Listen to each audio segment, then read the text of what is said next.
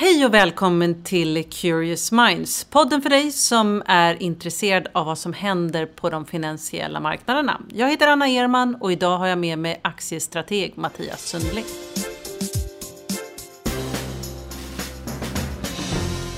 Hej Mattias, trevligt att du kan komma tillbaka till podden. Hej och tack. Det är ett rosa skimmer över börsen och häromdagen nåddes helt nya höjder efter ett mycket turbulent år. Hur ser du på det här 2016, året som gått? Ett fantastiskt år, ett spännande år eh, eh, faktiskt. Och ett år som man nästan får dela in i lite olika faser för att, för att kunna beskriva det. Om man tittar från nu här på slutpunkten så, så ser det egentligen inte ut att ha hänt så jättemycket. Men däremellan de där första och sista punkten har det hänt hur mycket som helst. Väldigt eh, deppig inledning på året. Mycket oro kring konjunkturen och där räntorna gick ner tvärt emot alla prognoser. Börsen gick ner. Och sen återhämtning eh, och sen ett riktigt rally på, avslutningsvis här då efter eh, valet av Trump. Och sen, och, sen, och sen ovanpå det då ett par politiska chocker som vi har haft att hantera då, framförallt Brexit och, och Trump-valet då. Om man tittar liksom på sektorerna då, då, är det några som har varit mer gynnsamma än andra? Ja, det är det ju. Nu när vi stänger det här året då, som sagt var, det har ju varit, ett, det har ju svängt våldsamt i de här olika faserna. Men eh, nu när vi stänger året som det ser ut nu så är det ju cykliska sektorer som faktiskt har varit. Och vad menar du med det? Då menar jag konjunkturkänsliga sektorer som råmaterial, energi, våra gamla industri och verkstadsbolag. Och en del konsument, eh, cykliska konsumentbolag också. Och det har ju varit andra händelser bara senaste veckan. Fed höjde ju räntan för andra gången på tio år i onsdags och ECB tog en helt motsatt riktning och har en ganska aggressiv penningpolitik. Vilken påverkan tror du det här har på börsen framöver? Eh, jag tror faktiskt att eh, vad centralbankerna gör inte har så stor påverkan. Eh, jag tycker rent allmänt att vi tillbringar alldeles för mycket tid med att prata om centralbankerna. Och om, om man får ta ett steg tillbaka så kan man säga att vi har ju pratat väldigt mycket om Fed och ECB och Riksbanken och sådär. Och de bedriver ju då penningpolitik, eh, alltså valuta och räntepolitik. Eh, och, och, som alla vet, vi har dragit ner till noll och till minusräntor och vi håller på med QE och sådana där saker. Men redan för ett år sedan, eller nästan för två år sedan, så kunde man se liksom en viss trötthet sådär i att eh, hos alla experter att herregud, det har inte så stor, det här hjälper inte så mycket. Eh, konjunkturen fortsatte vara ganska grå. Så mer och mer har man börjat prata om finanspolitiken, skatter och utgifter. Och det är här som Trump kommer in, för att Trump är oerhört expansiv. Så vi sa faktiskt innan valet av Trump att om han vinner så kommer börsen att gå upp. För att folk kommer fokusera på den grejen, att han är så oerhört expansiv med sina skattesänkningar och sina utgiftsökningar. Och det, var ju, det är ju exakt det som börsen och alla marknader har tagit fasta på. Från det, två timmar efter det att det stod klart att han hade vunnit så har ju dollarn gått kraftigt upp. Räntorna har gått tydligt upp. Börsen, framförallt cykliska bolag, har gått kraftigt upp. Så, jag, så, så, för en gångs skull nu, centralbankerna följer liksom med i kölvattnet. Det är inte de som leder utvecklingen längre. Det är finanspolitiken här nu under Trump som, som, som, som, som styr. Och de tvingar nog Fed att höja lite mera och de eh, mer än vad ECB gör eller vad Riksbanken Så att om du tittar på 2017 så är det här någonting som vi verkligen kommer behöva titta mer på? Detta är enligt min uppfattning den helt avgörande grejen inför 2017. Den kommer överskugga allting annat. Om vi tittar på marknaden, vi kan ju börja med USA. Hur, hur går det i USA på aktiemarknaden där? Eh, ja, den blir väl en av årets eh, vinnare i lokal valuta, ska vi säga då. Eh, och det är väl logiskt. Och, jag kommer att komma tillbaka till Trump här nu hela tiden, därför att det, det har sån stor effekt. Men i det här stora finanspolitiska paketet som han har skissat på och som vi tror att han kommer att få igenom så ingår ju bland annat en sänkning av bolagsskatten.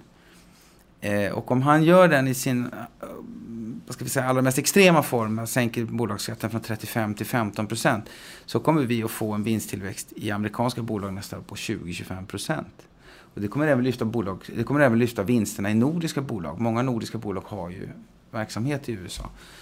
Eh, så där är en jätteeffekt direkt på, på börsen i USA och som troligen, och det, och det förklarar också varför vi, vi tycker man ska vara överviktad i USA och underviktad i Europa till exempel. För den nordiska marknaden, det är ju väldigt många svenskar som äger nordiska ja. aktier. Ja, för dem, det, jag, för det första ska jag säga, vi är ju överviktade aktier. Det har vi varit sedan morgonen då Trump blev vald. Och, för det var det vi sa också innan, att om han vinner då ska man, då ska man inte vara försiktig med aktier. Eh, så vi överviktade aktier och nordiska aktier ingår i, det, i den övervikten. Eh, framför allt tror vi att det är cykliska bolag som kommer att gynnas. Återigen då, verkstadsbolagen, råmaterialbolagen, eh, lite banker också gynnas också. Och en del sådana här bolag, cykliska konsumentvarubolag eh, ska man ha. För den svenska marknaden, Ericsson, det kanske du vill kommentera på för det har ju varit en snackis den senaste månaden. Ericsson är ett litet kapitel för sig och någonting som jag som strateg har inte ägnat det Vi har inte haft med det i vår portfölj, i vår aktielista. Så där. Jag har faktiskt i, som strateg tittat bort ifrån Ericsson. Jag förstår det inte riktigt och jag tycker att det verkar jättejobbigt och inte speciellt attraktivt. Nu har vi tagit upp Ericsson till köp. Och jag förstår logiken i det, att det, den kan nog se spännande ut därför att nu är den så lågt värderad. Och nästan alla analytiker har sälj på den. Det brukar faktiskt vara ett ganska bra tillfälle att gå in och köpa den om man ska vara lite elak. Eh, det, det, är en svår, det, det, det, dels är det svårt, vet vi vad management går för, det är svårt, vet vi hur de, att de har koll på sin kostnadskontroll och sin produktutveckling. Men sen är det också svårt för att det är en stentuff marknad. Deras efterfrågan viker ju liksom hela tiden lite grann. Om vi fortsätter titta ut i världen. Asien, emerging markets, hur, vad ser du där? Inte så attraktivt. Vi, var övervikt på, vi hade en övervikt på emerging markets inför det här året och det funkade faktiskt väldigt bra fram till dess att Trump vann. Eh, nu kommer vi tillbaka till Trump, men du, du ser vilken avgörande grej ja, det är då. Eh, och varför det blev så, det beror ju på att när Trump då vann och vi började liksom fundera på en mycket mer expansiv finanspolitik med stora skattesänkningar så tvingade Fed att strama åt lite mer som vi har pratat om. Och då går dollarn upp. Och det är inte bra för emerging markets. Många emerging markets länder, och den, inte minst Kina, präglas idag utav att de har ett Eh, ett, en, o, väldigt mycket skuld i privata näringslivet. Deras privata bolag har tagit på sig jättemycket korta dollarlån. Så de blir dyrare. Så det man kan vara lite orolig för är att det kommer en våg av eh, kreditförluster och konkurser och så i, det i de finansiella systemen i de här länderna. En del av dem ser okej okay ut i den meningen att de har troligen bottnat konjunkturmässigt. Som Brasilien och Ryssland som har gått bättre än väntat i år. Men man skulle tro att Ryssland kom in lite i värme nu om man läser media ja, kring... men det, det kanske det kan det är nog inte mannen att bedöma så. Det blir väl mer en säkerhetspolitisk diskussion. Men, men oljepriset har ju stabiliserat sig och gått upp lite grann. Och de har, de har eh, eh, så att säga, tagit tag i ekonomin lite bättre och konjunkturförloppet har liksom bottnat ur och så. Så Brasilien och Ryssland som vi, verkligen, som vi var väldigt oroliga för för ett år sedan ser lite bättre ut. Kina är faktiskt ett stort frågetecken. Speciellt med den här starka dollarn. Slutligen, året går ju mot sitt slut och det är dags att julstäda portföljen. Har du några tips? Ja, vi tycker nog att man ska leva då ungefär så som vi har sagt. Eh, att man ska, vara, eh, man, ska, man ska ju inte ha obligationer i den här miljön. Eh, för räntorna kommer nog att finnas en press uppåt på. Man ska ha aktier. Och i de nordiska bolagen där så, så gillar vi mycket cykliska aktier. Vi har ju en sån här lista som vi kallar för Danske Bank eh, Market Select List. Där stoppade vi in Konecranes och Volvo alldeles nyligen. Där har vi sedan tidigare eh, också eh, Autoliv. Eh, vi har lite bank eh, i, i, form av Nordea till exempel. Det finns lite konsumentbolag. H&M har varit lite av ett sorgebarn, men den tror vi fortfarande på. Oriflame har varit fantastisk. Den har varit jättetufft, men nu tror vi att det kommer att bli bra igen. Eh, och i det, i det nordiska universumet så är ju Novo Nordisk också en intressant aktie. Ett jättestort läkemedelsbolag.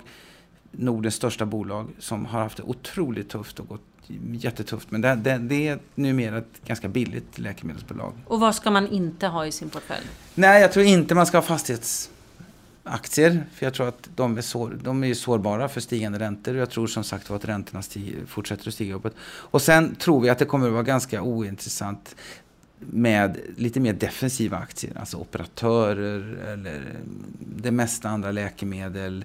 Det som kallas för consumer staples, alltså bolag som Swedish Match och såna här saker. Allt sånt där som folk sökte sig till förut därför att det var trygga obligationsliknande aktier. Det kommer inte vara attraktivt längre i den här miljön. I den här miljön söker vi nu cykliskt och tillväxt och vinsttillväxt. Så det blir ett spännande år 2017 på börsen? Absolut, det utgår jag ifrån. Jag är helt slut efter 2016, men jag antar att jag kommer att vara lika trött efter 2017. Vad härligt, få ta lite julledigt nu så hörs vi igen 2017. Okej, okay, tack Bra, så mycket. Tack. tack. Tack för att du har lyssnat och vi återkommer igen nästa vecka.